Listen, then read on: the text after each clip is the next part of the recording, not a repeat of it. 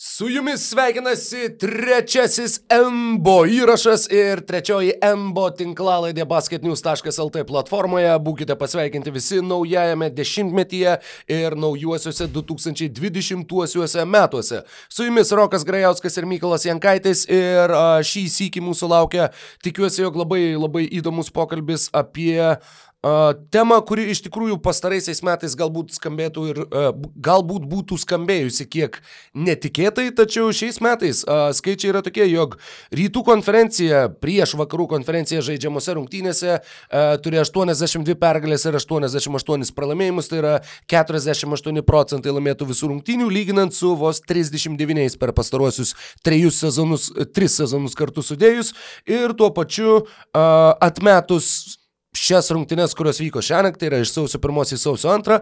E, sausio 1 Šešios rytų konferencijos komandos buvo laimėjusios 60 procentų žaistų rungtynių arba daugiau ir tai yra pirmas toks atvejis rytų konferencijoje, kalbant apie naujosius metus, nuo sausio 1 1998 metais. Tad pirmą kartą po 22 metų pertraukos sausio 1 yra šešios labai pajėgios komandos rytų konferencijoje ir būtent į tas komandas ir stengsime atkreipti savo dėmesį šioje tinklalaidėje, kadangi daug būtų galima kalbėti ir apie septintą e, ir septintą vietą, kurioje šiuo metu yra Bruklino Nets ir apie kovą dėl aštuntos vietos, tačiau tikėtina, jog tos komandos vienaip ar kitaip kalnų atkrintamosiose varžybose nenuvers, o viena iš tų šešių komandų, apie kurias pašnekėsime plačiau, žais NBA finale ir apskritai visos tos šešios komandos, mano manimu, yra uh, užtikrintai atkrintamųjų varžybų dalyvės šiais metais. Sveiki, mėlyje klausytojai. Taip, tikrai tas top šešetukas turi labai aiškę atskirti nuo uh, uh, likusios rytų konferencijos ir tavo minėti skaičiai yra nu, dar labiau įspūdingi, uh, turiu omeny rytų uh, konferencijos uh, santykio su vak vakarų konferencija, uh, turint omeny, kad rytuose žaidžia tokios komandos kaip Atlantos Hawks, New Yorko Knicks ir Clevelando Cavaliers bei gynyba, gynybos nerandanti ir neturinti Washingtono Wizards.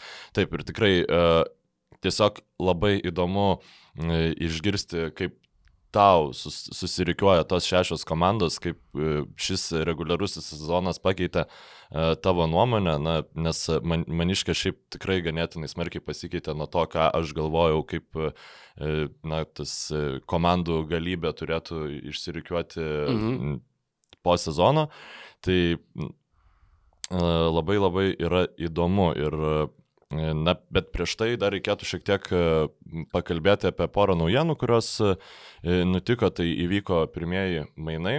E, čia prieš jau beveik porą savaičių, ne, neilgai trukus po mūsų podcast'o, paaiškėjo, kad vienas iš mūsų apkalbėtų žaidėjų buvo išsiųstas į komandą už žymiai mažiau negu mes galvojom, kad tai gali būti išsiųsta. Tai e, Utah Jazz Dante Exuma plus du antrojo raundo šaukimus išsiuntė į Klyvlendą už Jordaną Clarksoną. Kaip tau šie mainai atrodo? A, mainai atrodo logiški iš vienos pusės, kadangi Jūta labai norėjo sustiprinti savo atsarginių žaidėjų suolo indėlį, nes a, kalbėjom ir tada, jog tai buvo, jeigu nesumeluosiu, tuo metu tai buvo apskritai mažiausiai taškų renkantis a, suoliukas visoje NBA lygoje, galbūt tik tai Rockets rinko mažiau, kadangi Rockets na, apskritai atsarginiai yra tik tam, kad kažkas turi pabėgioti aikštėje a, tas minutės, kai nėra ant parketo pagrindinių krepšininkų. Ir a, iš tos pusės tai buvo pateisinamas sprendimas, iš Klyvlando pusės uh, Klyvlandas savo du, sakykime, pagrindinius jaunus krepšininkus turi nominaliai įžaidėjo pozicijoje, nors esam patys ironizavę ir juokėsi, jog uh, ne vienas iš jų nesugeba atlikti įžaidėjo funkcijų ir abu yra labiau, uh, labiau atakuojantys gynėjai įžaidėjų kūnuose. Kol kas nei vienas iš jų nėra nei point, nei shooting, jie abu yra tokie guard, tiesiog be, taip, taip, taip. be, be aiškaus.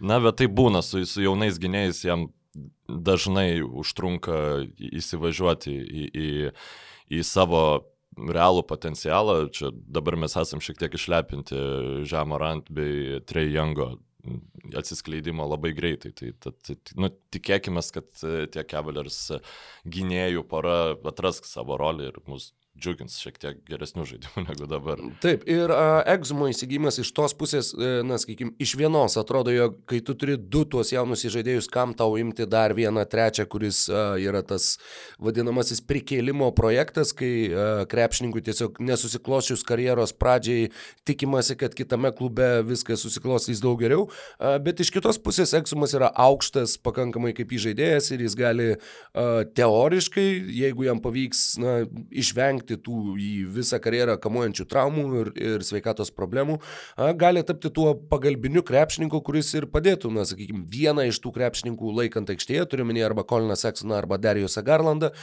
turėti geriau besiginantį ir aukštesnį teoriškai žaidėją, tačiau praktiškai, kadangi visi yra tie nei point, nei shooting, tai didelio skirtumo nėra ir bent jau komandos gynybai tai galėtų turėti labai labai teigiamą postumį. Taip, na, svajonių scenarių jis galėtų atlikti tokią Šono Livingstono e, rolę, tai įsivaizduojant, kad Seksonas su Garlandu ten jau baisiai geri bus ir, na, kilti nuo suolo, žaidžiant tai su vienu, tai su kitu ir, ir tikrai, na, man Egzumas tikrai atrodė vertas daugiau nei Jordano Clarksono, aš aišku, galbūt dėl to, kad aš taip pakilai jo ir nestebėjau ir visada...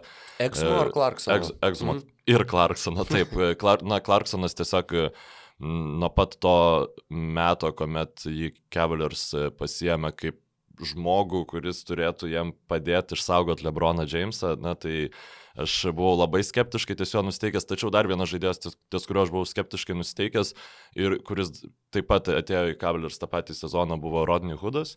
Ir kai jis perėjo į, į Tor, Portlando Trailblazers, aš teigiau, kad tai na, yra visiškai nevykęs bandymas iš pasiimti žaidėją ir užkamšyti kažkokias spragas, kuris realiai jokios naudos neduos, nes tai irgi yra e, kamolį mėgstantis valdyti krepšininkas, o Blazers tokių jau turi ir jam visiškai neto reikėjo, tačiau tiek per atkrintamasis varžybas, tiek šis, ypač šį sezoną iki tos nelemtos traumos, Rodney Hoodas buvo, na, vienas e, tikrai top 5 krepšininkų Portlando Trail Blazers, tai Jordanas Clarksonas džiazuose kol kas irgi žaidžia gerai, jis pelnė atitinkamai 9, 19 ir 20 taškų uh, trijose pergalėse džiazų iš eilės ir tas pergalės buvo Viena buvo iš jų prieš Clippersus, žodžiu, ir kitos buvo prieš stringančias, tačiau visiems, na, pakankamai geras Blazers ir Detroit Pistons komandas. Tai, na, mainai atrodo logiški, kad reikėjo pridėti šaukimus tam, kad gautum Clarksoną, man visiems atrodo labai labai keista. Na, džiazo antro raundo šaukimai, aišku, jau ten bus tie jau tokie, kur... O tam patiems džiazam priklausantis buvo? Na, kiek, kiek, kiek pamenu, taip, mm. gali būti, kad e, klystų ties šiuo atveju, tačiau jeigu džiazai turėjo kokį nors e, aukščiau esantį antro raundo šaukimą ir jie atidavė, tai nu, dar labiau tada nesuprantu, bet e, kiek mačiau, tai ne, tai yra džiazų šaukimai.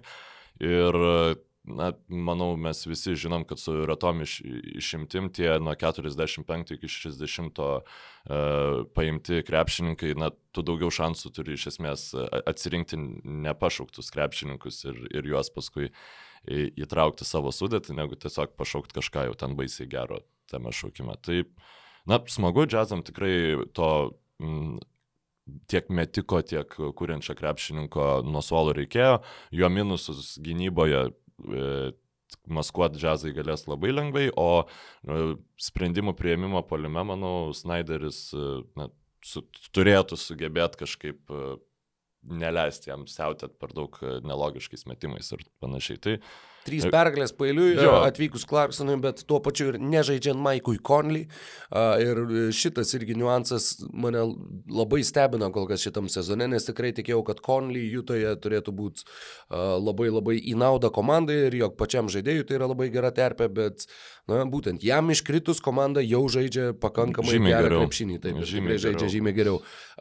Kalbant apie kitus, e, sakykime, kitas potencialias naujienas, vieną kitą potencialią naujieną, naujieną, kuri ne visai mainai, tačiau, na, šiokie tokie, sakykime, apsisprendimo mainai, a, turbūt visgi sargybos bokštas ir Jehovos liudytojai neišlaikė savo gretose Darino Kolisono ir Kolisonas ruošiasi grįžti į NBA lygą ir bent jau kol kas yra a, spekuliuojama, jog jisai turbūt e, prisijungs prie vienos iš Los Andželo komandų, pats žaidėjas yra iš, kilęs iš Los Andželo, yra studijavęs UCLA Los Andželė, tad žodžiu yra Los Andželo vaikis ir, ir tas vaikis, kuris pastarosius porą metų praleido Indianos Pacers, dabar panašu, jog tikisi atsidurti Los Andželė. Kokios tau mintys Mykolai kyla? Na, aš per praeitą podcastą minėjau, kad Lakers šiaip reikėtų dar vieno kūrenčio žaidėjo, kuris nebūtų Ryanas Rondo ir, na, kuris galėtų kurti, bet jam nereikėtų kamulio bumsinti žemę 20 sekundžių prieš priemant kažkokį sprendimą.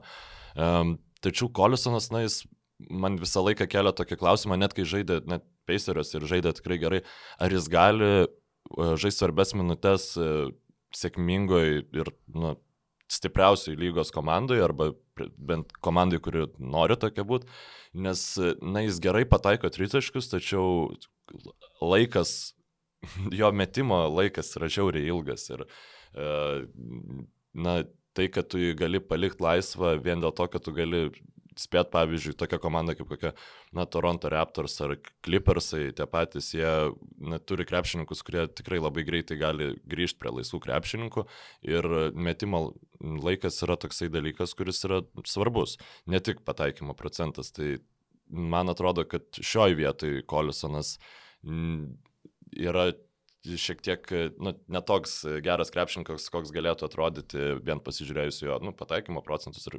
Nu, kažkuriais panaši... metais, man atrodo, 17-18 pirmavo lygoj buvo taikliausias tritaškų metikas. Taip, jis iš ties metimą turi labai gerą, tačiau niekada apie jį negalvoju kaip apie tokią grėsmę, koks ten J.J. Redikas, Kailas Korvinas. Taip, be abejo. Panašiai. Be abejo.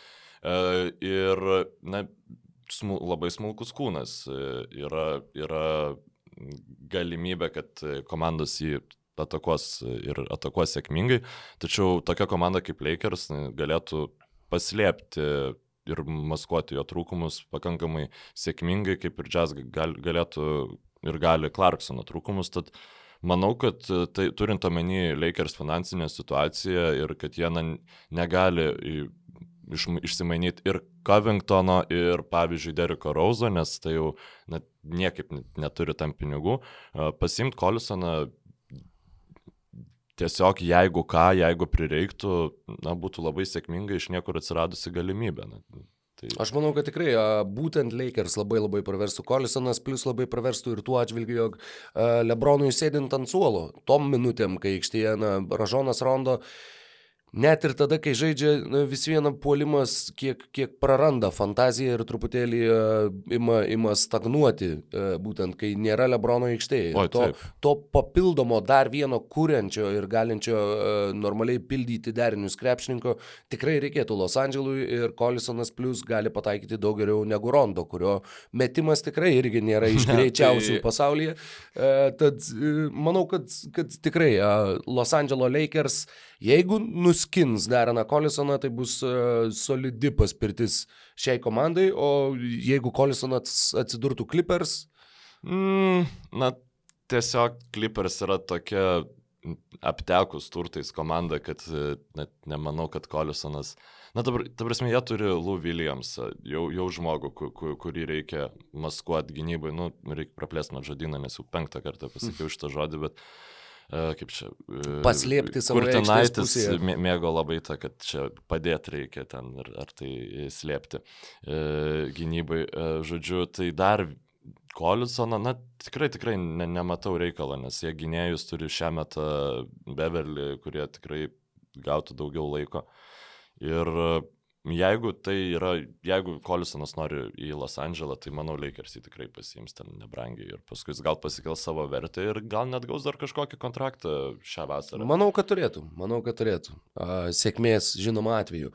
Tad e, pašnekėję apie į krepšinio religiją grįžtančius Jehovos liudytojus, galim keliauti prie to rytų šešeto, prie tų šešių pajėgiausių komandų ir tos šešios komandos, kaip suprantu, mes jas bandėm išsirikiuoti pagal, mhm. pagal pajėgumą ir aš manau, kad jau nuo paties pirmo, turbūt pradedam nuo pačios. Aš tai tiesiog, būtų... aš tiesiog gal dar norėčiau uh, pasakyti, kaip mano paties dėliojimas vyko, tai aš stengiausi mm, komandas išskirti į atskirus tos krepšelius pajėgumo vadinamus. Tai tarkim, jeigu viena komanda už kitą yra aukščiau, bet yra tam pačiam krepšelį, tai reiškia, kad sprendimą buvo priimti labai sunku ir na, ne, nereiktų ten labai pykti, kad oi kaip tu čia gali šitą komandą Mm, žemiau mm. tos laikyti, nes skirtumai yra Aha. labai relatyvūs. O šešios komandos, kiek krepšelių tu turėjai? Du ar tris? Tris. Tris. Paskutinė, iš pradžių turėjau du krepšelius, paskui atsirado trečias ir, ir na, paaiškinsiu paskui, kodėl. Ok, Tai ok, gerai. Jeigu, aš galvau, pradėsim nuo viršaus, bet galime... Aš tai galvoju, kad pradėti nuo apačios. Turbūt, Pasilikim turbūt būtų intrigą. logiškiau, logiškiau, Šitą. žinai. Visus topus reikia pradėti nuo, nuo, nuo žemiausių Na, pozicijų. tu kaip pradėjai pradirbęs, tai tikrai šitą žinai geriau. Su topais dirbti neteko. Na, ne, taip. ne tokio pobūdžio radijoje dirbau. Tai gerai, kas tavo šešta komanda? Mano šešta komanda rytuose ir uh, dar sėki pabrėžiu, na tiksliau ne dar sėki, o, o klausytojams pirmą kartą pabrėžiu, jog uh, mes kalbam apie potencialą atkrintamosiose varžybose. Taip, tai tiesiog. nėra, kurias vietas užims komandos reguliariam sezone, kadangi uh, yra di didelis skirtumas iš tikrųjų tarp šitų dalykų. Ir tai yra mano, mano šešta komanda, tą ir iliustruoja, kadangi mano šešta komanda rytuose, kalbant apie potencialą atkrintamosiose, yra Toronto Raptors. Mm. Ir čia manau, kad iškart mūsų nuomonės išsiskiria labai stipriai, nes žinau, kaip, kaip pats simpatizuoji Torontui ir, ir, ir vyriausiam treneriui, ir komandos sudėčiai, ir visam kitam. Bet yra keli argumentai, kurie, na, du pagrindiniai, kurie man man padiktavo būtent šitą Raptorsų poziciją. Vienas dalykas, jų rezultatas šiuo metu yra 23 pergalės, 11 pralaimėjimų, jie yra ketvirti rytų konferencijoje, bet uh, žaisdami prieš teigiamą pergalių ir pralaimėjimų balansą turinčias komandas, jie yra laimėję šešis susitikimus ir pralošę 11. Ir e, jų rezultatas žaidžiant prieš prastas komandas, kurios yra, turi daugiau pralaimėjimų negu pergalių, jų rezultatas yra 17-0. Tad tai yra ta komanda, kuri labai labai labai tvarkingai ir drausmingai susirenka tas pergalės prieš e, visus šio pasaulio mm, Vašingtonus ir, ir Atlantas. Ir tuo pačiu tai yra ta komanda, kuri galų gale a, žaidžiant prieš šio šešetuko komandas, tai yra tas skaičius, kurį irgi a, visom šiom komandom išskyriau, visų skaičiavau, žiūrėjau, kiek kas su kuo žaidė ir kaip kas atrodo. A, Raptors žaidė aštuonetą susitikimų kol kas šiame sezone su kitomis penkiomis uh, pirmo rytų šešetuko komandomis. Ir jie laimėjo kartą prieš Filadelfiją, kartą prieš Bostoną. Ir laimėjo, uh, atsiprašau, ir pralaimėjo prieš Bostoną, Milwaukee, Miami, Filadelfiją, Indianą ir dar kartą Bostoną. Tad 2-6 jų rezultatas yra būtent šitame šešetuke ir tai yra dar vienas argumentas, kodėl man atrodo, jog atkrintamosiose varžybose tas dalykas, kurį turi Torontas ir kurį turi labai stipriai, yra uh, Niko Narso gynybos schemų eksperimentavimas. Jie, jie visiškai nebijo visiškai netradicinės NBA lygai gynybos schemas naudot uh, su visom uh, box and one prieš uh, Stefą Curry arba zoninė gynyba, kurią taip pat jie dažnai taiko ir beje įdomus yra tas, tas aspektas, jog pamažu, pamažu zoninė gynyba vis labiau įsitvirtina NBA lygoje, bet čia turbūt yra tema kitai tinklalaidai. A, tik tai norėjau pabrėžti, jog pas mus vis dar yra išlikęs kažkoks, nežinau, nesovietinis, bet, nu, beveik sovietinis įsivaizdavimas, jog zoninė gynyba NBA lygoje neegzistuoja. Nu, jinai kur, kur kas dinamiškesnė yra, ta prasme, tu kadangi negali palikti ten jau to... Taip, tu e, negali palikti žmogaus, aikštelėj, taip, yra, yra trijų sekundžių uh, taisyklė baudos aikštelėje gynyboje. Uh, tad tu negali tiesiog priparkuoti savo centro ir palikti jo po krepšiu, tad ta zoninė gynyba yra kitokia, tačiau jinai... Šiaip, jinai Rokai, net tas tavo pasakymas dėl, dėl s- sovietinio statymo, tai jis labiau gal yra ne tai, kad zoninė gynyba NB lygoje neegzistuoja, bet gynyba iš vis Taip, bet neegzistuoja. uh, ne, tikrai labai daug kas yra sakė, žinok, ir su labai daug, daug kuo man yra tekę ginčytis, uh, bet, bet tai va, NBA zoną gintis negalima, kad, nu, kaip negalima, galima, tik tai negalima uh, priparkuoti centro po krepšiu. Na, Tad a, grįžtant prie Toronto, tad e, iš tos pusės jie, jie turi tų niuansų, kuriais gali nustebinti vieną ar kitą komandą, tačiau a, nėra kažkokių ryškių stiprybių, jie neturi tos komandos, pavyzdžiui, kalbant apie tas likusias penkias, prieš kurią jie tikrai užtikrintai atrodytų, na, e, sakykime, būtų labai neparankus varžovas ir būtų a, tikrai, na, sakykime, nu, vėliau matysim tokių pavyzdžių, a, sakykime, nėra, sakau, tos komandos, kurią jie labai jau laikytų po savo padu.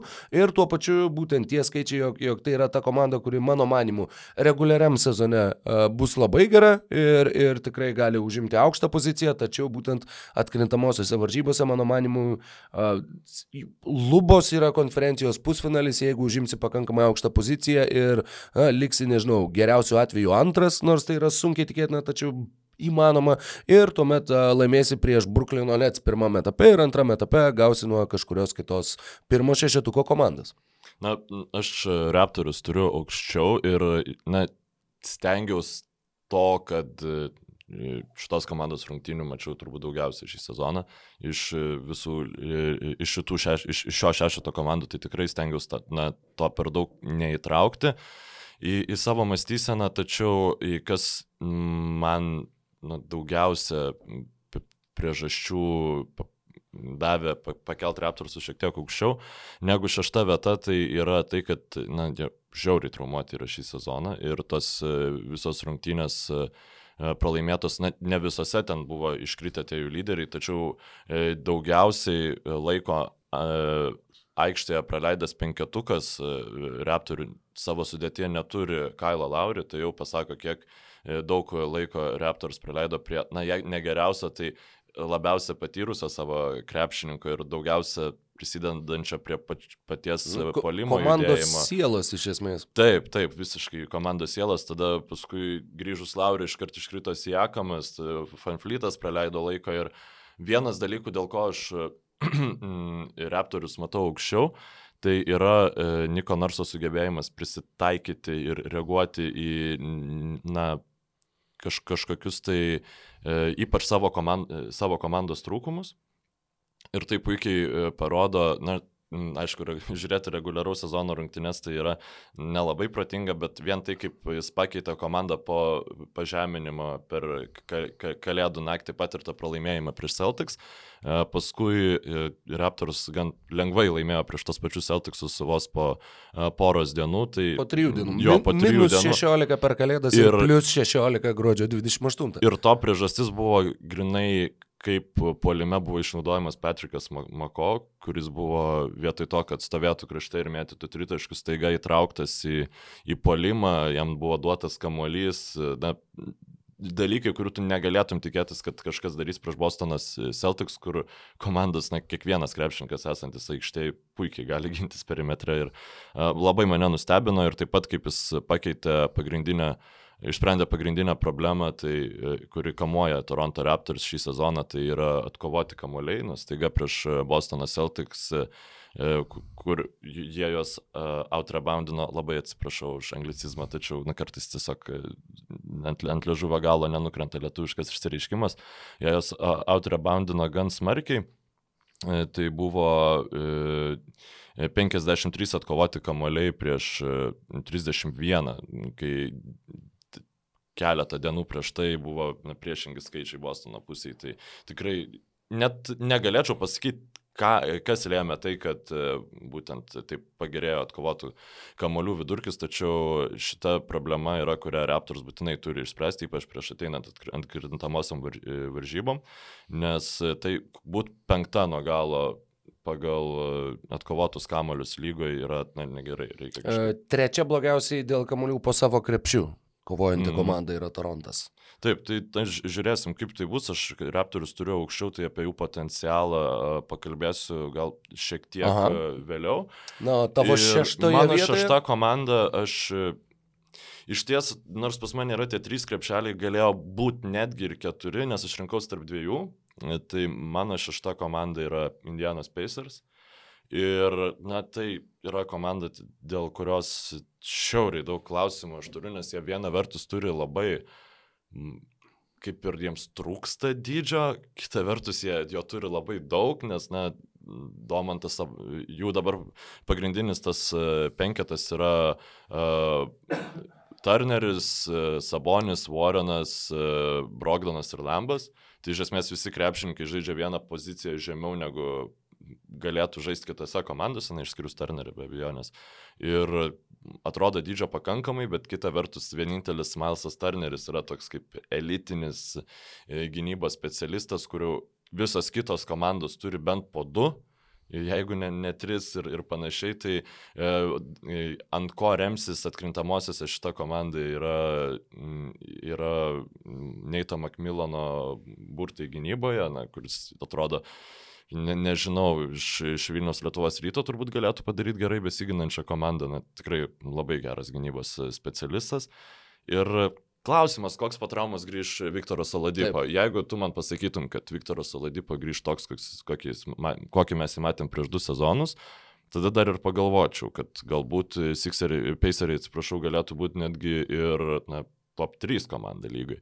Bet e, tai kaip jie žaidžia, jų tas žaidimas pagrindė per Domantą Sabonį, na, susitraukus e, tai aikštė atkrintamosios jinai sumažėja, na taip, taip yra. Taip. Ir e, prieš, na, prieš Baksus, e, prieš tuos pačius Sixerius, kuriuos, na, jie nugalėjo gan lengvai.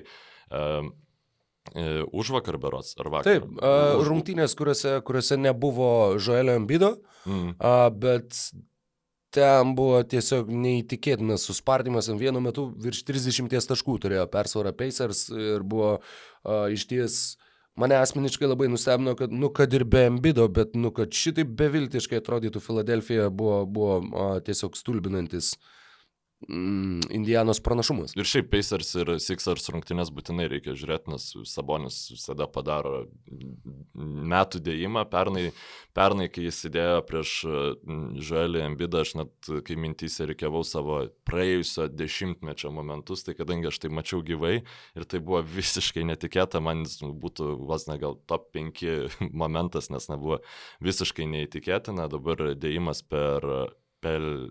Norvela Pella. Pella, net lietuviškai ne, nemoka pel, žmogaus pavardė. Ja, Nor, Norvanas Pel irgi tikrai labai gerai atrodo, bet uh, Sixers uh, turės problemų ir jie prastai, vis dar prastai kovoja dėl atšokusių kamolių. Pacers turiu manį. Taip, Pacers, aš sakiau Pistons. Šitą, uh, Sixers. Sixers, na, maišau šitas dvi komandas, tuoj sužinosit kodėl. Šitą ir dėl polimo, na, pagrindinis dabar katalizatorius polimo yra Brogdonas, tikimasi, kad grįž Oladipo ir kaip, kaip tai bus, yra įdomu, nes visos kitos komandos turi labai gerą gynybos potencialą ir pralaužti bus sunku. Paceriai turėjo lengviausią tvarkaraštį, apie ką mes jau kalbėjom mm. prieš porą savaičių, tačiau dabar pastarosios rungtynės prieš tikrai pajėgias komandas parodė, kad jie gali žaisti ir prieš stipresnės. Tai, na, bus įdomu, tačiau prieš reguliarų į sezoną aš Pacerių nemačiau šitam šešetą, aš mačiau penketą, o ne, o ne šešetą tų top lygos komandų.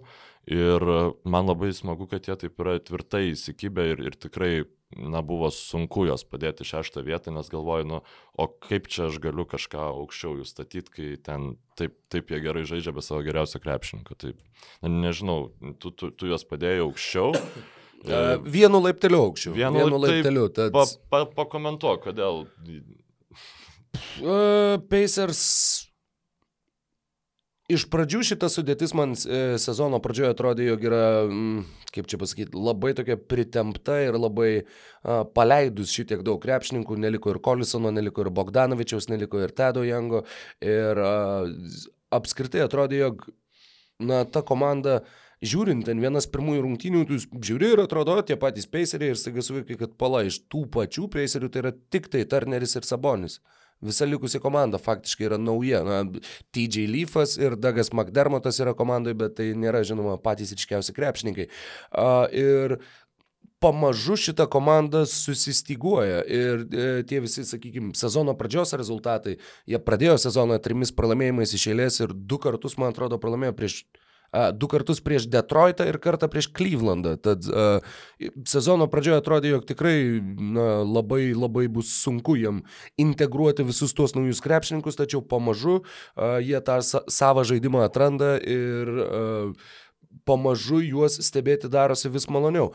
Um, Dėl atkrintamųjų varžybų taip, yra, manau, lubos šiai komandai, žinoma, Oladipo sugrįžimas yra tas, tas X faktorius ir klausimas, kuris uh, labai daug lems Indianos Pacers potencialo atžvilgių. Galima atsiminti, jog pernai komanda žaidė su Bostono Celtics 0-4 gavo pirmame etape ir tas žmogus, kurį visų sėkmingiausiai sustabdė Bostonas, buvo Domantas Sabonis. Tik 8,5 taško per rungtynes, tik 41 procentas metimų iš žaidimo, kas žaidėjų, kuris užfiksavo Pacers rekordą taiklumo iš žaidimo reguliariajame sezone, buvo kiek? 18 procentų mažiau negu reguliariajame sezone, tad e, būtent susidūrus su gera gynyba vien tik tai per, per Sabonį ir būtent per Sabonio individualų žaidimą labai sunku bus rinkti taškus, kuo jau galėjo įsitikinti Indiana pernai. Šiais metais, žinoma, yra Brogdonas, kuris tikėkime, kad bus, kadangi dabar jį irgi sveikatos problemos kamuoja pakankamai rimtos. Yra dviejų dalykų kombinacija, jeigu nesumeluosiu, tai yra ar tai kirkšnis, ar tai pakinklė sausgyslė ir dėl to atsiranda nugaros skausmas. Ir, ir tie du dalykai keičia vienas kitą ir jisai dabar nežaidė kelias rungtynės, grįžo į aikštę tose, tame susitikime su Filadelfija, bet taip pat sužaidė berots 8 minutės ir išėjo į rūbinę dėl nugaros skausmo, tad a, čia taip pat kyla truputį, truputį neramumų ir truputį klaustukų, a, kadangi yra turėjęs sveikatos problemų ir Brogdonas savo karjeroje, galų galiai jisai dėl to taip žemai ir buvo pašauktas, jis buvo antro rato šaukimas, nes turėjo berots lūžusią koją, jeigu, jeigu neapgauna atmintis. Ir Pacers, na, bus tikrai, tikrai sunku atkrintamosiose, bet uh, yra sakykime, na, tos viltys ir vis viena ta, ta, ta, uh, tas noras, kad komanda kažko tai daugiau pasiektų negu kad pirmasis etapas, kaip kad buvo pasarosius du sezonus pailiui. Sakau, sezono pradžioje netikėjau, kad ta komanda gali būti geresnė už tą, kurią mes matėm pernai. E, apskritai pati smagiausia Indianos sudėtis man buvo užpernykštė, kai tai buvo pirmas Sabonio sezonas, nors Sabas žaidė nuo suolo, bet visa ta komanda su Lensu Stevensonu ir su visais kitais psichais ir šiaip su labai labai stipriu mikroklimatu komandos. E, ta komanda, kuri septintose tik tai rungtynėse pralaimėjo Clevelandui e, su Lebronu, kol kas ta komanda buvo smagiausia, bet dabar matosi, jog ir šita komanda, na, ir šita sudėtis turi potencialo ir gali irgi būti labai smagi ir labai įdomi.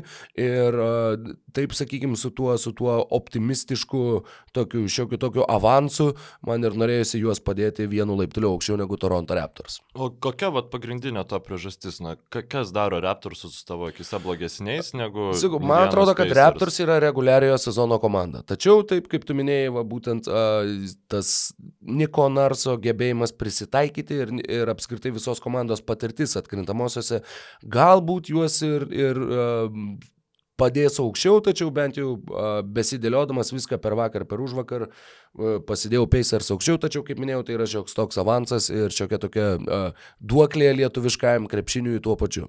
Na, mm, Pacers dar toks e, svarbus dalykas dėl Domanto Sabonio funkcionavimo, mm, e, dar vienas žodis, kurį labai mėgo Tomas Pačiasas. E, Polime yra atkrintamosios rungtynėse, turiu omeny, kad jiems sektųsi sėkmingai, tikrai yra svarbu, nes jis pelno ne jis, bet Paceriai pelno po 10 taškų būtent po to žaidimo 2 prieš 2, kuomet centras leidžiasi į apačią, čia jau at, e, neskaitant jokių baudos metimų ir panašiai, tai yra daugiausiai lygui, tai jų palimas e, remiasi grinai tuo ir nu tu vien pažiūrėjęs į, Pacers ten porą atakų galėtum tą pasakyti, kad tai labai daug žaidimo 2 prieš 2 žaidžianti komanda. Ir man atrodo, kad šis krepšinio elementas neturint elitinio pataikymo aplink atkrintamosiose labai jo gale labai sumažėja, nes pasiruošti yra žymiai lengviau, tu žinai, nuo ko atsitraukti, nuo Mileso Turnerio gal galima biškiai atsitraukti, na, tritaškus pataiko, bet tai nėra grėsmingas sniperis. Ir... Įsibėgėja, mm. įsibėgėja. Pastaruoju metu Milesas Turneris tikrai meta, meta geriau negu sezono pradžioje. Sezono pradžioje beje buvo tiesiog siaubinga ir labai nuvilinti, o dabar būtent tie tolimi metimai jam pradeda krist ir uh, tuoj paieškosiu skaičiaus, kuriuo galėčiau in, in, iliustruoti šį, šį sakinį.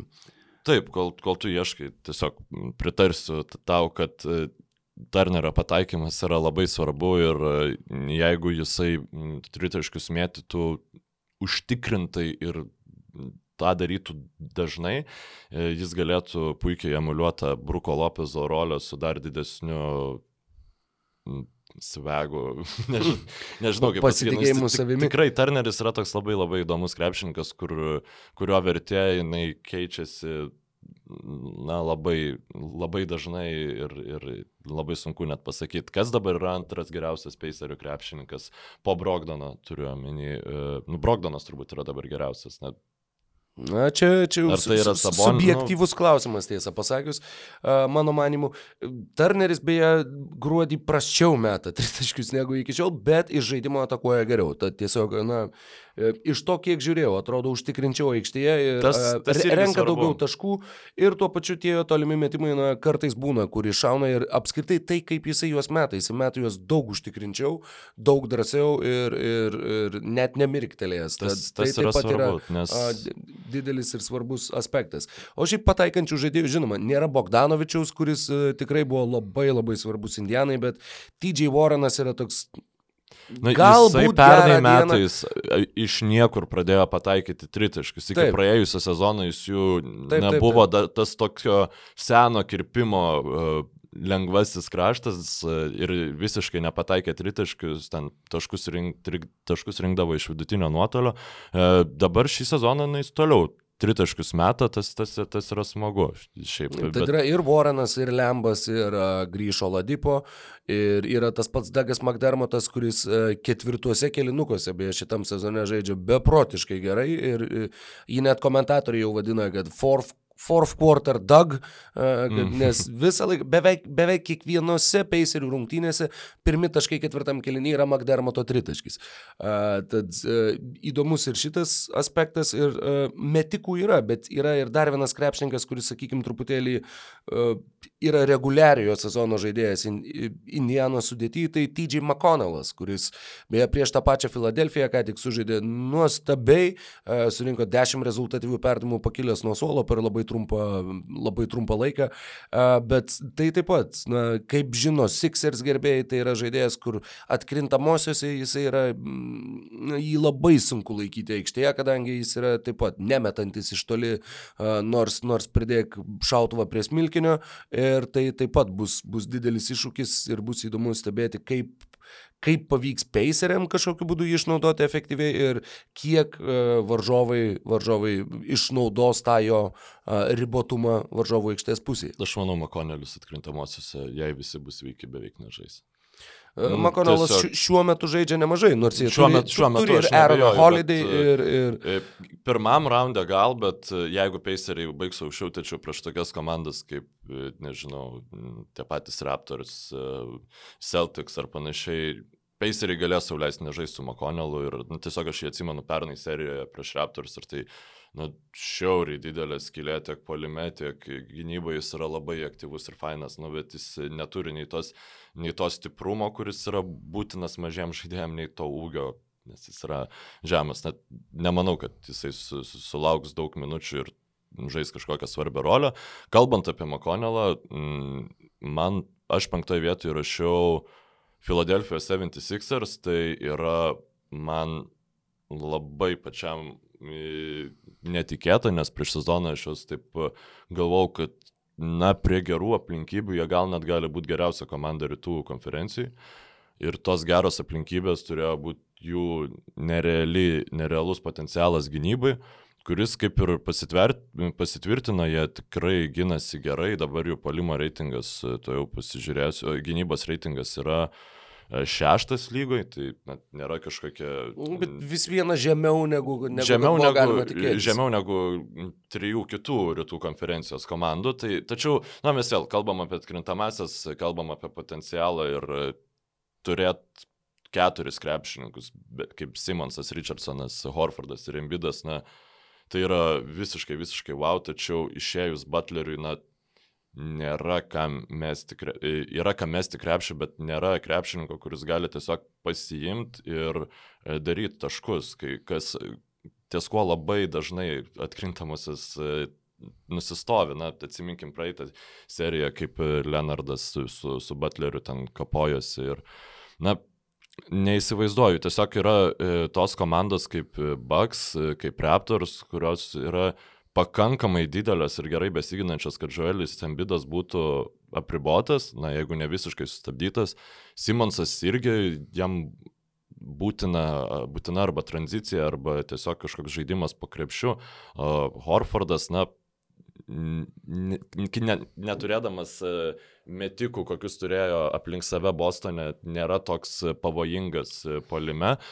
Ir tiesiog taip, jie gali apsiginti prieš bet ką, bet prieš juos apsiginti galės irgi absoliučiai bet kuri aukštesnė, na, komanda nuo antrojo raundo ir panašu, kad net nuo pirmojo, nes jiem ir reguliariajam sezone nepavyksta įgauti to namų aikštės pranašumo, kas irgi būtų labai, labai svarbus faktorius atkrintamosiose varžybose. Tad nepaisant to, kad jie kai kuriais aspektais labai patobulėjo, tai vienas iš jų yra tiesiog suolo praplėtimas, tai matys Taibul, apie kurį mes jau kalbėjom, e, žaidžia labai svarbią rolę, kur iš vis labai keistas krepšininkas. Baudas pataiko 67 tritaškių e, procentų taiklumu, tritaškius 46, nu toks labai labai mažas tarpas, J.R. Smithą primena šiek tiek. Beje, 16 metų.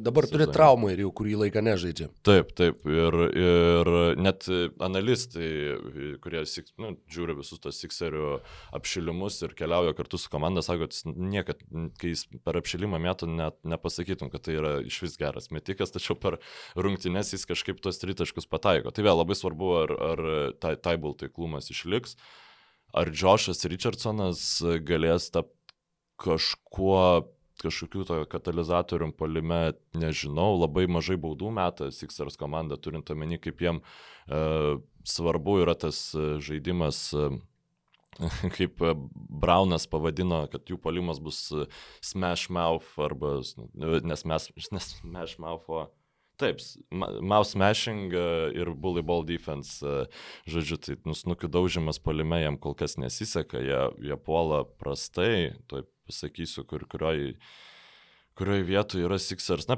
16 lygai, tai tikrai nėra tas polimas, su, su kuriuo galėtum labai kažką išgazdinti ir nu, nežinau, aš, aš nematau jų laim, laiminčių serijos prieš nei vieną iš aukščiau uh, būsiančių komandų. Na, matau, bet tiesiog nedaug ne šansų tam duočiau. Kas pas, ar, ar pas tavęs Sixeriai buvo? Uh, Sixeriai, žinok, yra tokia labiausiai, kaip čia pasakyti, uh, Nulis arba du šimtai, labai tokia arba, arba karšta, arba šalta. Labai labai paradoksali komanda, kurią, kurią man iš tikrųjų sunku įvertinti, kadangi uh, iš vienos pusės taip yra netgi ir, ir statistinių skaičių, kurie taip pat iliustruoja, jog šita komanda na, nėra, sakykime, viena iš favoričių, kadangi tarp šitų šešių top komandų, sakiau, jog Raptors turi šešias pergalės, 11 pralaimėjimų prieš teigiamą pergalių pralaimėjimų balansą turinčius klubus, yra tik tai viena kita tokia komanda, tai Sixeriai su aštuoniom pergalėm ir devyniais pralaimėjimais, bet labai keista netgi juos stebint, kadangi kartais atrodo, jog, jog jie įsijungia tik tai kai kuriuose rungtynėse. Jeigu teko kam nors stebėti tas kalėdinės rungtynės su Milvokiu, žiūri tas rungtynės ir atrodo, kad nu, Sixers gali, gali bet ką nugalėti ir gali bet ką uždaryti. Ir beje, būtent Milvokis yra ta komanda, kuri mano manimu turėtų prisibijoti Sixerių ir jeigu tu galėtum rinktis varžovus, bet kuri kita komanda Milvokiui turbūt pridarytų mažiau žalos negu kad Filadelfija, kadangi... Dėl Sixerių, man atrodo, niekas jų nesirinktų. Absoliučiai e, lygai niekas, nu, nu, tu nenori žaisti prieš tokią komandą, kokie yra Sixeriai. Tu prasme, tu nenori važiuoti į Filadelfiją, žaisti prieš, prieš, nu, tikrai labai piktą piktą areną ir na, nu, kam, kam tiek vargintis puolant, geriau pabandyti, pabandyti patiems apsiginti ant prieš kokią geriau puolančią komandą. Šiaip va tas tą kozirį tikrai Sixers turi, niekas prieš jas nenori žaisti. Ne, e, kitas dalykas, e, tas pats ambidas e, dabar, na, tiksliau šio sezono metu kalbėjo apie tai, kad jam polime dabar yra dar mažiau erdvės negu anksčiau. Nu, taip. E, ir taip, tai yra logiška ir tai dar viena, dar viena problema, plus galima atsiminti ir ambido, jog e, atkrintamosiose varžybose dar nebuvo ne vienų atkrintamųjų, kuris būtų pilnai sveikas ir kad tikrai normaliai žaistų visose serijose, visose rungtynėse visą laiką, kas nors nutinka, e, tai jam skrandį susuka, tai jam fulcas sulaužo skruostikaulį, tai dar kokią nors bėdą. Tad, uh, ši čia dar irgi, sakykime, tuo pačiu iš vienos pusės yra, yra neatskleistas potencialas, e, kad jeigu tu turėsi ambidą visą laiką sveiką, tai dar, dar komanda taip nežaidė ir dar turi kažkokių, kažkokio parako, kuris dar yra neišaudytas. Iš kitos pusės tai yra kaip tik, sakykime, minusas, kad, nu, vat, vadinas dar ir ambido gali būti, kad jie neturės tradiciškai bent jau keliose rungtynėse. Uh, Pernai atkrintamosiose e, Benas Simonsas, pažiūrėjau, rinko po mažiau negu 14.7 kamuolius 6 rezultatyvius, tad tai taip pat yra daug žemesnė statistika negu, negu reguliariajame sezone ir tai taip pat yra tas amžinas klausimas ir, ir amžinas priekaištas, jog daug kas labai sako, kad kol Sixers turės Beną Simonsą, kuris visiškai nemeta iš toli, tol jie tiesiog negali nukeliauti toli ir negali nieko e, apčiuopiamo pasiekti NBA atkrintamosiose. Tuo pačiu Įdomus faktas, kurį šiaip radau beskaitinėdamas, jog uh, kai Sixers pasirinko Beną Simonsą, Larry Brownas, buvęs Sixerių vyriausiasis treneris, sakė, jog uh, ir čia yra citata, jog bet kas, kas galvoja, kad jis yra įžaidėjas, yra, atsiprašau už įsiriškimą, bet debilas arba moron. Jis nėra įžaidėjas, šis krepšininkas nėra ir niekada nebus. Jis gali būti įžaidėjas, kai jis atkovoja kamuolį ir greitai metas į priekį, nes jisai mato, aišku, bet pozicinėme polime duoti jam kontroliuoti kamuolį ir duoti jam, nežinau, nežinau, žaisti du prieš du, kai jisai visiškai nemeta iš toli. Dar sėki tą frazę, jog tik debilas gali laikyti šitą krepšininką į žaidėjų. Na, Taip pat tas klausimas, apie kurį šneka ir Sixers ir gali, jog galbūt reikia keisti Elą Horfordą ir stengtis gauti padorų įžaidėją ir Simonsą statyti sunkių kraštų ir kažkaip spręsti tą situaciją. Aš manau, kad Filadelfija šiais metais dar to nedarys, ne, negreus to, sakykime, Na jau dabar jau net, net ne sudėties stuburo, bet sudėties pagrindinio dueto, tai yra būtent Simonso ir Embido. Lygiai taip pat manau, kad jie nekeis vyriausiojo trenerio iki, iki sezono pabaigos. Ir mano manimu vis viena, na, aš prieš sezoną sakiau, jog e, finale turėtų žaisti Clippers ir Sixers. Buvo mano, mano spėjimas ir mano įsivaizdavimas. E, dabar būtent matant tas Filadelfijos problemas polime, e, sunku lygtai įsivaizduoti juos, juos nukeliaujant taip toli, bet savo ruoštų tai yra ta komanda, kuri prieš palankius varžovus gali, gali nukeliauti iki konferencijos finalo sėkmės atveju. Ir jeigu jie ten susitiktų su Milvokiu, taip pat lygiai sėkmingai visko gali būti. Tai yra komanda, kuri, kaip jau minėjau, yra, yra tas gyvsidabris, kuris e, šokinėja ir vieną dieną atrodo, kad jie yra oho, oho, kitą dieną atrodo, kad yra oho, kaip blogai. E, ir, bet aš juos, aš juos palikau gerokai aukščiau. Gerokai, gerokai aukščiau. Gerokai okay, aukščiau. Okay. Um, dėl Sixers dar m, vienas dalykas, tiesiog Mm, tai, kad jie turi Horfordą yra labai smagu, nes jiem nereiks žaisti su Gregu Monroe ir, ir panašiai ten. Taip, bet tuo pačiu, bet Elas Horfordas irgi, na, tu sakei, kad trūksta metikų apskritai, trūksta kažkaip, na, nelabai ne, ne, ne aišku, koks yra jo vaidmuo. Na, jis e, labai, labai džiaugiasi, bent jau Sixers e, analistai, analitikai, tėve brangus, e, tuo, kaip jisai Su Benu Simonsu atrodo būtent su a, nu, atsarginiais krepšininkais, ten Taibol, Korkmazu ir, ir, ir, ir kitais, kad, žodžiu, labai, labai fainas, faina kontratakuojantį krepšinį ta žaidžia komanda. Tai palikai aukščiau, okei, okay, tai tada aš gal norėčiau apie ketvirtą komandą savo sąraše pašnekėt, kur galvau, kad šiaip šitą komandą tu paliksi aukščiau, bet dabar turbūt irgi bus pas tave toj pačioj vietoj. Mm, jinai tai yra Miami Heat. Žodžiu, lygiai. Mm, dabar jau taip matos, kad pas mane Toronto Raptors yra aukščiau negu Miami Heat, tai iškart nu, pasakysiu kodėl. Miami Heat labai daug, iš tikro, daug derinių turi savo palime, daug, labai daug žaidžia to handoff krepšinio, kur aukštaugis pasiema kamolį, pro jį prabėga žaidėjas ir tiesiog pasiema iš jo, taip, na, sukur, sukurdamas kažkokį netitikimą gynybinį ir panašiai. Ir tokio tipo krepšinis, na, jisai yra reguliariame sezone efektyvesnis, nes komandos tiesiog tikrai nesiuošia tiek kiekvienom rungtynėm, ne, nedaro to skautingo, ne, nežiūri tiek video komandos, prieš kurią žais, o žiūri labiau e, savo daržo. Per atkrintamasias geros gynybos tuos derinius išnarplioja ir prieš tokias komandas kaip Raptors, Bucks ir tą patį Bostoną ir na, ypatingai Sixerius, šitą, manau, kad šitas žaidimas jų nebus toks efektyvus ir tada hitai lieka su tuo vienu pasirinkimu poliume, tai yra Jimmy Butleris, kuris na, yra įspūdingas krepšininkas kartais, dažnai jis yra tiesiog labai geras, bet nu, klausimas, ar jo vieno užtenka. Ar Goranas Dragičius e, galėtų apsimti kažkokią tai rolę, aš, na, tokią timtelnančią, aš abejoju, lygiai taip pat abejoju ir dėl naujoko. Ir man vis panašiau, kad hit vis dėlto nedarys jokių mainų šį sezoną, nes tai visi labai šneka, kaip jie žiūri į ateitį. Ir tiesiog turint omeny, kad jie beveik traumų neturėjo šį sezoną, na, jų tas pagrindinis penketas, Adebajau, Leonardas, Hero, Butleris ir Nanas žaidė 337 minutės jau šį sezoną, tai yra beveik šimtų minučių daugiau negu pagrindinis penketas iš bet kurių kitų komandų. Mm -hmm. Vienas tik tai dalykas, kurį noriu pasakyti, Jestasas Winslow žaidė tik 10 rungtynių šitam sezone. Mm, vat, man, man Winslow nėra tas krepšininkas, kuris. Aš manau, kad jis. Difference maker. Uh, ne, turiu omeny, kad uh, sakyti, kad jie beveik visai neturėjo traumų, yra, yra truputėlį. Bet kadangi, manai, kad Winslow, Winslow pagrindinė penketą. Aš manau, kad taip, tikrai taip. Vietoj Leonardo, ne?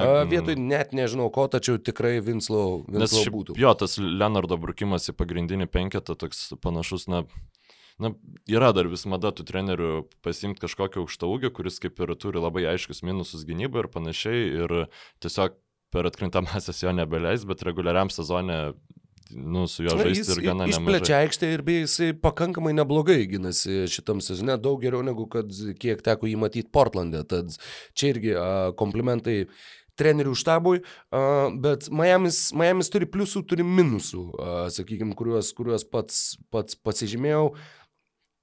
Pliusai yra tokie, e, tai yra komanda, kuri, yra, e, kuri žaidė šešis pratesimus šiais metais ir visus šešis laimėjo. Ir apskritai, jeigu uh, rungtynėse, jeigu rungtynių paskutinę minutę bent kažkurio metu komanda skiria vienas taškas, jų rezultatas yra aštuonios pergalės ir tik vienas pralaimėjimas. Tad tai yra komanda, kuri labai gerai žaidžia susitikimų pabaigas, gal net geriausiai visoje lygui, būtent įtemptų rungtynių. Ir tai yra labai didžiulis pliusas, kalbant apie potencialias situacijas atkrintamosiose varžybose. E, kiti dalykai ir tie neigiamesni dalykai yra, yra tai, jog gruodžio mėnesį, pavyzdžiui, jų gynyba, nors atrodo, jog tai yra viena geriau mhm. Besiginančių komandų buvo 22 visoje lygoje. Jo, ir dabar yra 13. 22. Tai stebėtinas a, kritimas žemyn ir prie to prisideda ir tai, jog žaidžia daug jaunų krepšininkų ir kalbant apie tuos jaunus krepšininkus. A, Tyleris Hero ir Kendrickas Nanas yra naujokai, Duncanas Robinsonas yra antrametis, bet jis pernai žaidė 15 rungtynių, kuriuose ten nieko faktiškai nepadarė ir realiai žaidė G lygoje. Tad nei vienas iš tų krepšininkų nėra žaidęs 82 rungtynių sezono ir dar papildomai atkrintamųjų varžybų. Tad tą fizinį krūvį atlaikyti jiems taip pat, na, tu gali paruošinėti, tu gali turėti tą fizinį paruošimą, apie kurį šnekam kiekvienos tinklalaidės metu, bet uh, naujokam tiesiog fizinio krūvio atlaikyti, na, Nežinau, ar bus įmanoma, kalbant apie, kalbant apie tai, dar jau labiau kokį svarbų vaidmenį jie vaidina ir kiek jie laiko praleidžia aikštėje. Tad šitas niuansas, jog būtent yra kokias, kokią svarbę rotacijos dalį užima patirties absoliučiai stokojantys žaidėjai, tai taip pat, mano manimu, truputėlį, truputėlį numuša hitų lubas ir dėl to jų, nekyla ranka padėti aukščiau, nors taip pat kalbant apie tuos tarpusavio rezultatus, e, tai yra kiek komandos žaidė šitas šešetukas kartu tarpusavyje, e, Miami Heat turi geriausią rezultatą iš visų. Jie pralaimėjo tik porą kartų, jie pralaimėjo Filadelfijai ir Bostonui ir šventė pergalės prieš Milwaukee, prieš Torontą, du kart prieš Filadelfiją ir kartą prieš Indianą. Tad 5-2 tarpusavio rungtynėse, bet, sakau, visus šiuos mm, teigiamus aspektus man truputėlį tie klaustukai, sakykim taip, taip uh, kažkiek nusveria ir būtent, na, tie klaustukai yra labai dideli ir kiekviena komanda, žinoma, turi savo klausimų, bet uh, Miami atveju tie klausimai atrodo labai akivaizdus ir tokie mažiausiai išsprendžiami. Jeigu ta pati Filadelfija bent jau teoriškai gali kažkaip atsirakinti savo polimą, tai Miami's, na, tiem naujokam patirties nesuteiks ir tuo pačiu ne, ne kažkaip nežinau, neparuošiu tiem svarbiausiam mūšiam. Šiaip yra du dalykai, kodėl, nes mes apie hitus taip kalbam, bet mes jas pastatėm aukščiau nu, už dvi komandas, tai dėl ko aš jas pastačiau aukščiau nei, nei Sixers ir, ir Pacers, dėl to, kad iš esmės Jimmy Butleris yra iš tų trijų komandų geriausias žaidėjas polime ir Bema Debajau iš tų, gerai, ne, ne, tikrai nėra geriausias gynyboje, bet jis yra žiauriai geras gynyboje ir jo galimybė tiek gintis pakrepšių, tiek keisti su kiekvienu krepšininku, na mes jau tai apšnekėjom, bus Sakyt, labai... Kad, kad Jimmy Butleris yra geresnis už Joelį Embidą polime, man kažkaip... Atkrintamosiose taip. Atkrintam... Na, nu, taip, tu pagalvok, prie, pagalvok prieš ką žais Joelis Embidas. Žais prieš uh, mm, galbūt jei pasiseks žais prieš Milwaukee Bucks, arba jeigu labai nepasiseks, e, kur yra geriau, mažiausiai taškų iš pakrepšio praleidžianti komanda lygui, žais prieš Toronto Raptors, kur, uh, na, tik, tik, tikrai nebus lengviau negu buvo praėjusiais metais, net nebent jis ten vis, viską galim suversti lygai.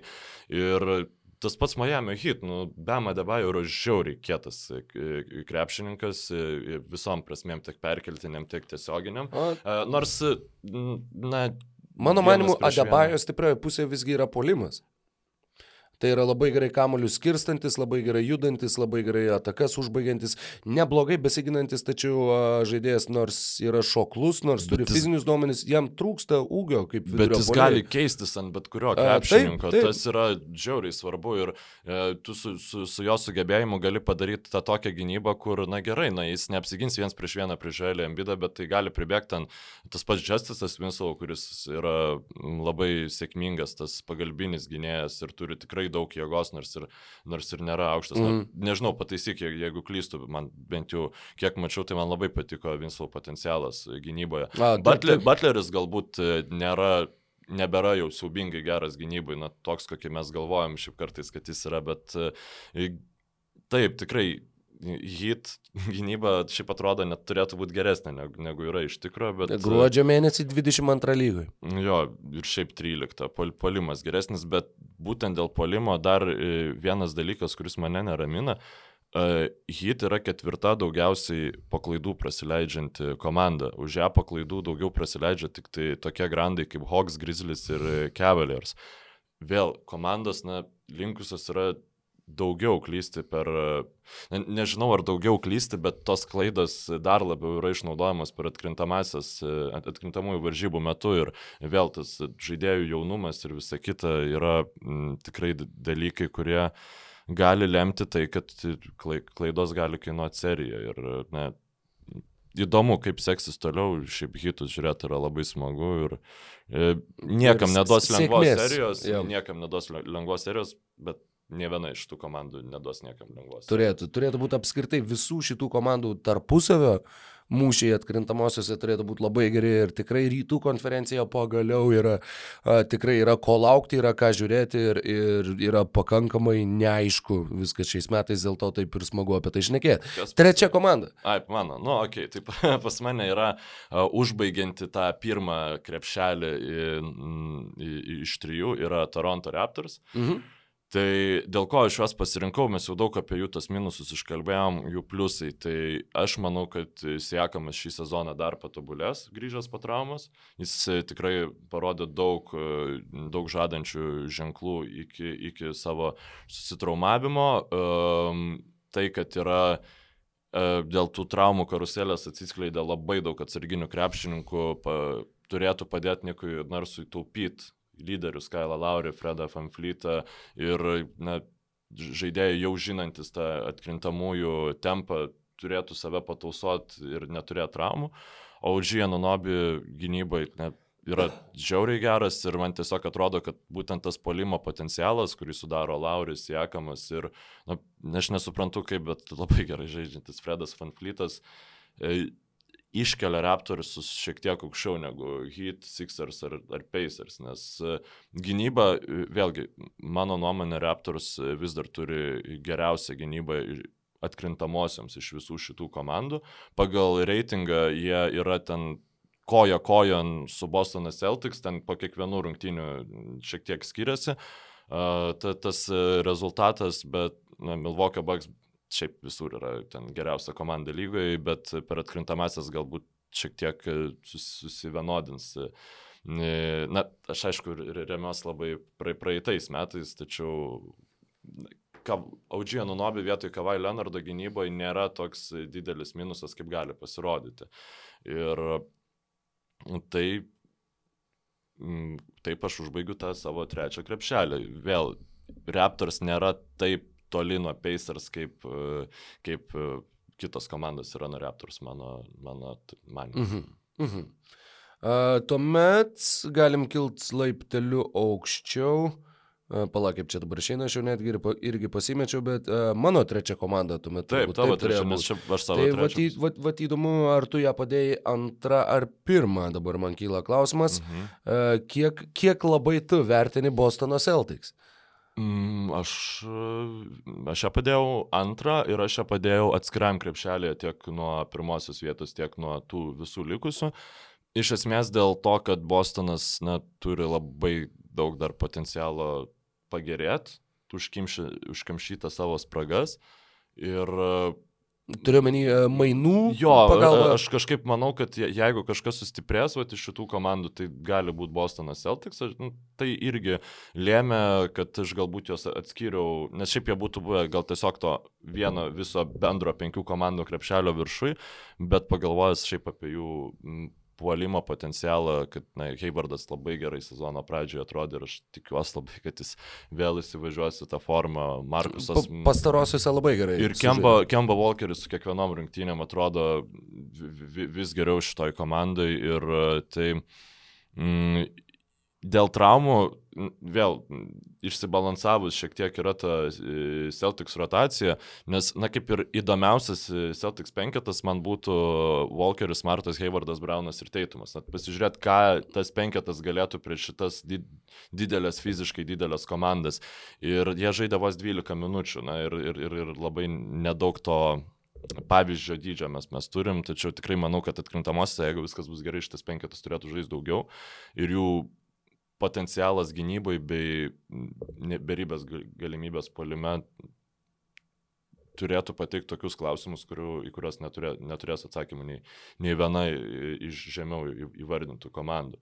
Nes, pavyzdžiui, prieš kokius Sixerius manau, kad jie gali tiesiog apspist Žoelį Embidą ir jų metikų neturėjimas, na, E, Sixers metikų neturėjimas lems, kad, pavyzdžiui, nu, ne, nebūtinai reikės ten su Kanteriu ar Taisu žaisti kiekvieną, kiekvieną e, ataką e, Bostonui. Kol kas šiame sezone jie abejas pralaimėjo prieš Filadelfiją, e, kartą pralaimėjo prieš Torontą, kartą laimėjo, e, pralaimėjo prieš Indianą ir po kartą laimėjo prieš Milwaukee ir Miami. Atsiprašau, prieš Torontą laimėjo netgi du kartus. Taip.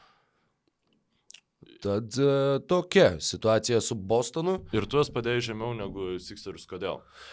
Todėl, kad, e, sakau, jeigu mes kalbam būtent apie potencialą, aš mhm. vis dar tikiu, kad Sixers turi to potencialo būtent tapti tą, tą, tą a, žvėrišką komandą gynyboje ir tuo pačiu atrakinti puolimą. Bet kaip? A, nu, kaip tai yra, tai yra klausimas ir tai yra jau klausimas a, trenerių štabui, bet mano manimu vis viena puolimą kažkaip atrakinti ir sustiguoti.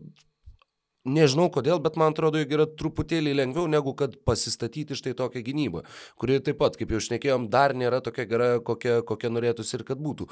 Klausimas, kiek Sixers, na, sakykime, laikysis tos pačios sudėties, kaip minėjau, turbūt mano manimu, nei Simonsas, nei Ambidas nebus iškeistas, treneris nebus atleistas, bet šiai dienai jie yra šešti rytuose ir aš manau, kad jie tikrai neto tikėjosi prieš šį sezoną.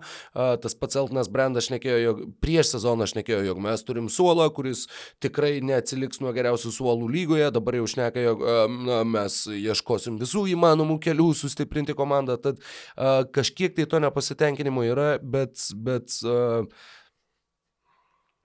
Mano manio, aš nežinau kodėl. Galbūt dėl to, kad, kad tiesiog taip galvojau prieš sezoną ir todėl smegenys labai nenori atsisakyti tos minties ir todėl ieško kažkokių, kažkokių pateisinimų ir dėl to, nežinau, atsisako logikos šiuo atveju. Bet a, man vis dar tikrai nuoširdžiai atrodo, na, nežinau kodėl. Tiesą pasakius, nežinau, dorai racionaliai negaliu paaiškinti kodėl, Būna, bet kad... būna, aš- Ne, tai sakau, plus mes kalbam apie potencialą, aš neskau, kad ta komanda daugiau pasieks, aš sakau, kad na, jinai turi teorinių galimybių pasiekti daugiau, bet be abejo, Bosno Celtics taip pat yra labai labai malonus uh, netikėtumas turbūt visgi šiame sezone, kadangi Jo, A, Pakeitus Kairį Kemba atrodė, jog, na, galbūt visi ten jausis neva geriau, bet čia yra puikia iliustracija, kiek iš tikrųjų daug tas, tas jautimas jis geriau duoda komandai ir, ir a, kokius rezultatus ir kokį žaidimą tuo pačiu demonstruoja Bosno Celtics. Jo, reikia nepamiršti, kad kai uh, Irvingas uh, atėjo į Bostoną, nu, tikrai buvo daug žmonių, kurie sakė, kad čia, čia gali būti MVP, čia, čia gali būti krepšininkas, kuris, uh, nu, ten viską darys Bostonė ir bus ten Allen Iversono e, lygio, žodžiu, polimo mašina, na, turint omeny ten aplinkybės, kokiuose jis gali žydėti. Ir tokio kalibro krepšininką pa- pakeitus Walkeriu, kuris visada būdavo, buvo Hornetsų lyderis, kuri Hornetsai nu, niekam niekada nebuvo labai įdomus, e, atrodė, kad jo, Bostonas bus, nu, laipteliu žemiau negu tos ten viršutinės komandos, kurios turėjo būtent Bucks ir, ir Sixers. Ir nu taip nėra, Celticsai žiauriai gerai atrodo, Braunas, e, na, man jis yra net ir polime atrodo smagiau negu Teitumas. Čia yra ne kritika Teitumui, čia yra tiesiog kiek aš mėgstu Jaileną Brauną ir gynybai jis e, gali tiek puikiai keistis, tiek sustabdyti Sijakamą, kas yra labai svarbu, turėti krepšininką, kuris vienas prieš vieną gali sustabdyti Paskalį Sijakamą, tu jau išsprendi labai daug problemų žaisdamas prieš vieną iš savo pagrindinių oponentų. Na, kaip, kaip bus prieš Bucks, aš nežinau. Manau, žaizdos ir sopuliai po praeitų metų atkrintamųjų tikrai pozityviai atsilieps. Labai gali būt. A, Atsilieptų e, Celticsam nereiškia, kad jie būtinai žais prieš Bucksus. Ir, na, tačiau įdomu, nes e, pralaimėjo Bostono seriją Bucksam e, dėl to, kad nieko neturėjo po krepšiu. Na, Ne, tik ir dėl to, kad Kairi Irvingas ten visiškai sabotavo visą komandą. Toje serijoje buvo, buvo košmaras žiūrėti. Jo, ten, nu, aš atsimenu, kaip nieko negalėjo padaryti nei Bainsas, nei Horfordas, jo, net apie, apie kairį iš tikrųjų nefunkcionavimą net jau ir primiršęs buvau. Čia turbūt, ir... kad blokuoja kaip labai nemalonų atsiminimą smegenys, žinai, Jo, kaip, aš- kaip aš kur ten atsimenu tą- dėdė prie tavęs lindo vaikystėje ir panašiai. Ir Jo, kur jo, Kairi, žinau, oi, ne, buvo tikrai. Jo, tikrai, ypač po oh, tų pirmų košmariška. rungtynių, kai visi galvojo, kad čia jau ne visi atsiprašau, Polas Piersas. Taip, Jis taip. sweep. Serija jau baigta. Taip, Jo, taip. ir, bet e, man, man vis dėlto atrodo, kad e, tiek, na, e, Bostonas turi keturis krepšininkus polime, kurie gali sužaisti vienas prieš vieną aukštame lygyje. Ir, ir tai yra daug. Tai, Atkrintam tai yra labai daug. taip, Tai yra, labai svarbu. Ir beveik visi iš tų krepšininkų gerai ginas. Ir šiaip Heivardas, na, labai smagu buvo stebėti. Heivardas turbūt geriausiai yra tai valdęs iš, na, tų tokių e, polėjų, tą įsibėgėjimą į baudos aikštelę ir tada greitą sustojimą, ten kokio kontakto išprovokavimą ir įmetimą. Na, čia Jamesas Hardenas yra to visiškai specas, bet Heivardas irgi labai tą de, tas- dis, deceleration. Stabdžius labai jo, gerus. labai gerus stabdžius turi ir, ir paskui vėl gali pajudėti iš vietos labai greitai. Tai nu, tikrai Heivardas yra svarbus krepšininkas Celticsam ir su juo 80 procentų to, ko jis buvo prieš patirdamas tą traumą, manau, Bostonas yra aiškiai aukščiau tų, tų kitų komandų, apie kurias kalbėjom. Pas tave mm, Sixeriai antroji vietoje, taip? A, taip, taip. Ačiū Dievui. Sikseriai uždėti antrą. Labai gerai. Šitą. Nes, nors Milvokis irgi, žinoma, turi, turi savų klaustukų, kiek teko klausyti visokių, taip pat, ten, nežinau, mm, ap, apžvalgininkų nuomonių ir taip toliau, jog yra e, niuansų, dėl kurių taip pat atrodo, kad tai yra ta reguliariojo sezono komanda ir e, atkrintamosiose varžybose jiems gali būti sunkiau negu e, reguliariajame sezone, kadangi jie neturi ryškios antros žvaigždės po Janio, nors Middletonas e, nuo sugrįžimo po traumos, grįžo lapkričio 17 iki šios nakties rungtynių, kur buvo kraupus, per, per 36 minutės, kadangi na, mhm. tenka sulyginti tą minučių skaičių, kadangi iš pradžių jisai žaidė labai nedaug, renka po 26 taškus, 7 kamolius ir 5 perdavimus ir per šį laikotarpį be jo tą lygoje daro tik Janis, Luka ir Kawai, o Middletonas dar ir meta 50-40-90. Tad tai yra aukšto lygio krepšininkas, tačiau tuo pačiu tai yra, na, sunku net pagalvoti, kada pastarąjį kartą, nežinau, laimėjo NBA čempionatą komanda, kurios antras geriausias krepšininkas buvo Kriso Middletono lyga. Bet šiaip Middletonas, nežinau, yra, man tai jis atrodo žymiai geresnis negu jis Nu, tu, tu apie jį galvoji. E, taip, prasme, jis, jis yra. Tu, taip, bet, taip, taip, jis šiaip... turi tą ap, ap, apgaulingą mm. tokį, jog tu visada jo neįvertini. Jo, kaip jis atkrintamosiose atrodė. Tinka. Jisai, Aha. jisai gali, jis yra geriausias žaid, nu, žaidimo kuriejas baksuose. Tai yra kaip ir nėra labai gerai, tai parodo, kad Baksai neturi elitinio to žaidimo kuriojo, tačiau jis tą gali daryti gerai. Jis gali puikiai pataikyti tos spot-up metimus, išlyzdamas iš už, iš už užtvaros ir taip pat gali ir įmesti iš vidutinio ten besibaigiant uh, atakai skirtam laikui. Aš nežinau, nu, tai tikrai nėra elitinis krepšininkas, kuris daužys visas gynybas, tačiau labai daug komandų, na, Sixeriai net, neturi tokio kalibro krep, krep, kurėjo perimetrą. Ne. Neturi. Ne. Paceriai, na, Oladipo, sveikas Oladipo, sakykime, yra tikrai geresnis, bet šiuo metu irgi, nu... Brogdonas? Nu, manau, yra priežastis, dėl ko Middletonui pasiūlė kontr kontraktą, o ne Brogdonas. Nu, okei, okay, Brogdonas nuste nustebino, bet tikrai Middletonas yra geresnis už Brogdoną palime. Atkrintamųjų ypač scenarijui. Na, Na, mes dar nematėm Brogdono, Brogdono to... taip, taip, tokiame vaidmenyje. Bet taip, Baksų rezultatas, beje, tam tarpusavio šešetė yra 3-3. Jie laimėjo du kart prieš Indianą, kartą prieš Torontą ir pralaimėjo prieš Miami, Bosną, Filadelfiją po sykį. Dar kokie įdomesni skaičiai žaidžiant prieš tas komandas, kurios turi tą blogesnį pergalių mhm. pralaimėjimų santykių. Rezultatas yra 22-0 jau po šios nakties. Jie žaidžia greičiausią krepšinį lygų, jie turi geriausią gynybą lygų, jie turi trečią geriausią polimo lygų. Ir uh, jie gali pasiekti absoliutų uh, net reitingo rekordą, tai yra to šimto atakų vidutinio mhm. skirtumo uh, gynybos ir polimo.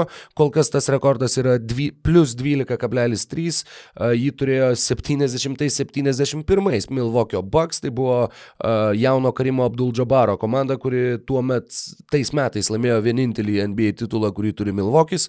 Ir 71-2 metų Lakers komanda, tai yra lygiai po metų kitam sezone, kuri taip pat laimėjo NBA čempionų titulą ir tuo pačiu pasiekė tą rekordinę 33 pergalių išėlę seriją. Tad Plus 12,3 buvo tų dviejų komandų rodiklis, Milvokio šiuo metu yra plus 13,2, tačiau būtent tai yra ta komanda, kuri na, negailestingai šluoja liurbius ir, ir tuo pačiu didinasi tą savo, tą savo reitingą ir na, bus įdomu matyti, kaip ta sistema veiks atkrintamosiose varžybose, kiek toli jiems pavyks nueiti, kaip atrodys Erikas Bledsoe, kuris atkrintamosiose varžybose kasmet vis, vis, vis labiau gesta.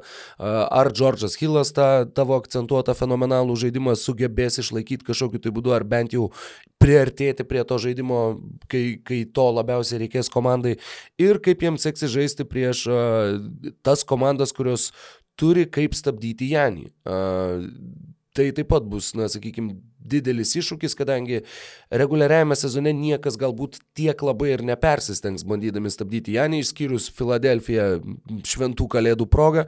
Ir tie iššūkiai tikrai bus ir manau, jog Milvokis nors, na, gali užbaigti sezoną su turbūt vienu iš geriausių, nežinau, dešimties rezultatų per visą NBA istoriją, e, tai tikrai nereiškia, kad atkrintamosiose jie bus tiek ryškiai geresni už tas likusias penkias mūsų aptartas komandas, bent jau mano asmeninė nuomonė. Bet tu aš šiaip, nu, dabar reikėtų. Padėjau pirmą vietą. Ne, nes... Turbu, manau, kad taip. Na, nu, tai būtų, kaip čia pasakyti, saugus pasirinkimas, nes... saugus spėjimas. Galima apsimesti labai labai protingų ir labai išvalgių ir labai nostradamiškų ir piešti, pažiūrėjau, Celtics NBA superfinale. Bet tu gali bet kurios komandos minusus išreikšdamas ją, e, nu kaip ir nurašyti, bet tada tu Tai, nu, ta prasme, tiesiog dėl to, nes nekalbė apie kitos komandos minusus. Nes, nu, e, jeigu Bucks turės kažkokių sunkumų prieš Sixers, tai ten kokių sunkumų turės Sixers prieš Bucks. Taip, taip. Ir, ir, ir tiesiog va, taip ir, ir, ir žiūrisi. Ir Bucks, man atrodo, nu, mažiausiai tų kažkokių silp, silpnų vietų turi. Apie Antetokumpo daug kas, na, nu gerai, nedaug kas, bet tikrai yra tų ten analistų, ten, kurie... Ten, apžvalgininkų. Nu, jau naudoja analistus, naudoja analitikus, gal ir apžvalgininkus. Šitą, jo, a, a, apžvalgininkų, na, kurie at, teigia, kad Janis na, yra sustabdomas krepšininkas vien dėl to, kad jis, nu, jam buvo sunku toj serijai prieš e, Toronto Raptors, kuri turėjo ten vieną geriausių tiesiog visų laikų gynybų. Ir, na, nieks nepagalvoja apie tai, vėlgi, nu ne nieks, bet reikėtų pagalvoti apie tai, kad ir Lebronas Džeimsas, na, strigo prieš Bostono Celtics ten kažkurioje tai serijoje, ne, ir, na, tokie žaidėjai, jie mokosi iš šitų dalykų ir Janis, na, vis dar yra tikrai jaunas ir jam ta serija buvo labai skaudi ir, manau, bus labai reikšminga ir iš jos jis tiek jis, tiek visa likusi boks komanda, kuri, na, per Brogdoną, nu, iš esmės beveik nepasikeitė, labai skaudžiai atsimins tą e, praėjusių metų rytų konferencijų finalą ir į tai žiūrės kaip į praleistą galimybę ir jie dar vienos praleisti nenorės. Ir aš šiemet matau Baksus finale, e, nežinau ar ryščiaus ten statyti namą, bet, e, bet kiekviena iš kitų komandų turi man šimiai daugiau klaustukų. Vienintelis Baks klaustukas yra Erikas Bletsau ir tai net, sakykime, net ir be Eriko Bledsoe iš vis, e, Milwaukee Bucks yra pakankamai stipri komanda, kad sugebėtų e, laimėti seriją prieš bet kurią komandą. Na, jeigu viskas sukrenta gerai, tai... Blogiausiu atveju, tai be Eriko Blecau jiems sektųsi daug geriau negu su Eriku Blecau. Ir čia yra tas, Na, tas čia, klaustukas. Žinai, tačiau... Pasi, pasižiūrė į to, to, tos penketų rezultatus jo ir tada, nu, bet čia iš vis išimk Eriką Blecau ir komanda bus geresnė, bet na, tai, tai nėra prastas krepšininkas. Jis tiesiog e, per atkrintamasis nepataiko ir tai gali... Jis nėra blogas krepšininkas, tiesiog nepataiko. E, ir tai gali sumažinti jo rolę, bet e, manau, Budenholzeris vėlgi apie tai galvojo ilgai vasarą per savo bemėgęs naktis ir kažką sugalvojęs turėtų būti, galbūt tai būtų rolė atsarginiam penketą ar, ar kažkas e, panašaus. E, matai baksus darančius mainus? Šiaip grįžtant prie praėjusio podcast'o temos. Galbūt, didelius, galbūt. Kažkokius, pavyzdžiui, Blecą. Ta pati, ta pati Erika Blecova, būtent, nebent tai būtų mainai, kur kažkas, e, sakykime, būtent Erika Blecau iškeisti ir tuo pačiu pakeisti jį kažkuo tai, e, kad rotacijoje tas, tas mainų taikinys ir užimtų jo vietą. Kalbėjom apie Drew Holiday, mm. jog įmanoma yra finansiškai atlikti tokį pasiūlymą, bet, e, bet tai jau buvo praeitos savaitės tema, o tuo pačiu kitą savaitę manau, jog aptarsime lygiai taip pat vakarų konferenciją, kur taip pat yra ryškus pirmas šešetas. Ir šiuo atžvilgiu jo, yra, jo. yra labai įdomu, jog abi dvi konferencijos yra susidėjusios labai panašiai, tuo pačiu tai yra septinta komanda, lygiai taip pat kaip čia Bruklinas, taip vakaruose Oklahoma, kuri turi apie 50-50. Ir santykį. visiškai jokių ambicijų iš tikrųjų šį sezoną. ir aštunta komanda, kuri su neigiamu pergalių pralaimėjimų balansu kol kas užima aštuntą vietą. Tad uh, už savaitės uh, kažkada, kažkuria savaitės dieną žiūrėsim, kaip mums leis mūsų grafikai ir tvarkaraščiai. Tikime su jumis susiklausyti dar sėki ir uh, dar kartą ačiū, kad klausotės, ačiū, kad sekat, ačiū, kad domitės NBA krepšinių lietuviškai. Ir sėkmės. Ir sėkmės, laimingai.